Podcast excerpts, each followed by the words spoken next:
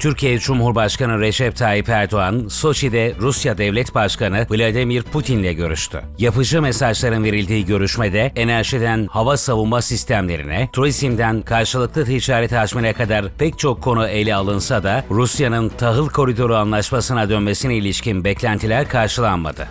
BRICS genişlemesinin hemen ardından Çin'in Ankara Büyükelçisi Liu Xiaobin, Türkiye ile Çin'in birlikte hareket edebileceği çok fazla alanın bulunduğunu söyledi. Ayrıca Xiaobin, Türkiye BRICS'e üye olursa çok güzel olur dedi. Tahran'da İranlı mevkidaşı Hüseyin Emir Abdullahiyan'la görüşen Türkiye Dışişleri Bakanı Hakan Fidan, iki ülke arasındaki işbirliği fırsatlarına dikkat çekerken İran'ı terörle mücadele konusunda Türkiye ile işbirliği yapmaya davet etti. Yunanistan Dışişleri Bakanı Yera Petritis, Ankara'da Dışişleri Bakanı Hakan Fidan'la görüştü. Yera Petritis, Fidan görüşmesinin Cumhurbaşkanı Erdoğan'la Yunanistan Başbakanı Mitsotakis'in New York'ta yapacakları görüşmeye hazırlık mahiyetinde olduğu belirtildi. İki ülke 7 yıl aradan sonra ilk kez yüksek düzeyli işbirliği konseyi toplantısını gerçekleştirecek.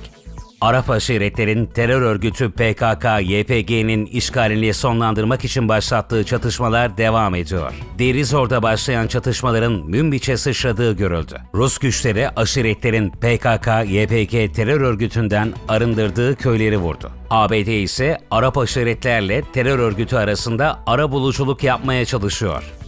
Irak'ın Kerkük şehrinde Peşmerge destekçileri Irak güvenlik güçleriyle çatıştı. Çok sayıda aracı kundaklayan Peşmerge destekçileri ortak kuvvetler karargahını Peşmerge'ye devredilmesini sağlamak istedi. Şehirdeki Türkmenler ve Araplar buna tepki gösterdi. Tansiyonun yükselmesi üzerine Irak Başbakanı Muhammed Ebu Şia Es-Sudani, Kerkük'te sokağa çıkma yasağı ilan etti. Ayrıca Sudani, karargahın devredilmesinin ertelendiğini duyurdu. Federal mahkeme ise bu kararı iptal etti.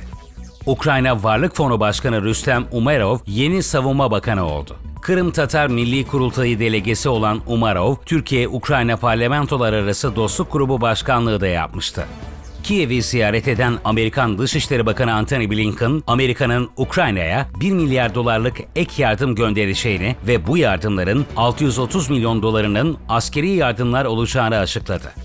Laçın yolunun kapanmasıyla başlayan gerilim, tarafların sınıra askeri yığınak yapmasıyla çatışmaya evrilebilir. İki tarafta bölgeye mühimmat göndermeye devam ederken, Ermenistan Parlamentosu Başkanı Alen Simonyan ve Ermenistan Dışişleri Bakanlığı'ndan peş peşe Azerbaycan'ın toprak bütünlüğüne vurgu yapan açıklamalar geldi. Bu açıklamalar, Erivan'ın krizi tırmandırmama çabasında olduğuna işaret ediyor.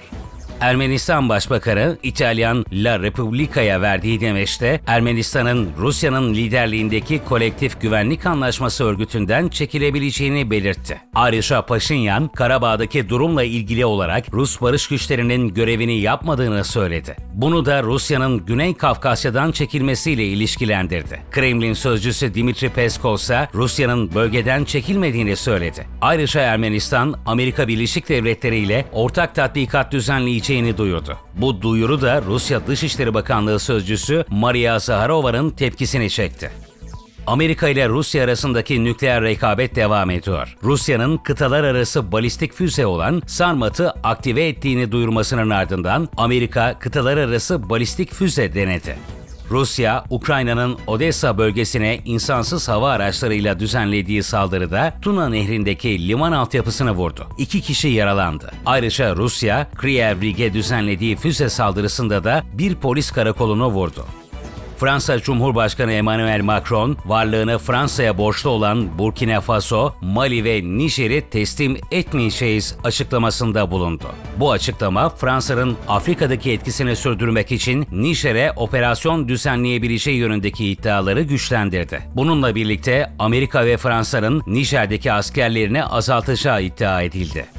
Orta Afrika Devletleri Ekonomik Topluluğu ECOWAS, Gabon'un topluluğa üyeliğini anayasal düzene dönene kadar askıya alındığını duyurdu. İsrail'de otoriterleşme tartışmalarını beraberinde getiren tartışmalı yasa tasarısına karşı muhalefet sürüyor. 35. haftasını geride bırakan protestolar devam ederken Tel Aviv'de 100 bin kişinin katıldığı bir eylem düzenlendi. Amerika Birleşik Devletleri, Çin, Yunanistan ve Türkiye gibi pek çok ülkede sel felaketleri yaşandı. Seller günlük hayatı olumsuz etkiledi. Burası gdh.dijital. Takip edin, gündeme dair her şeyden haberiniz olsun.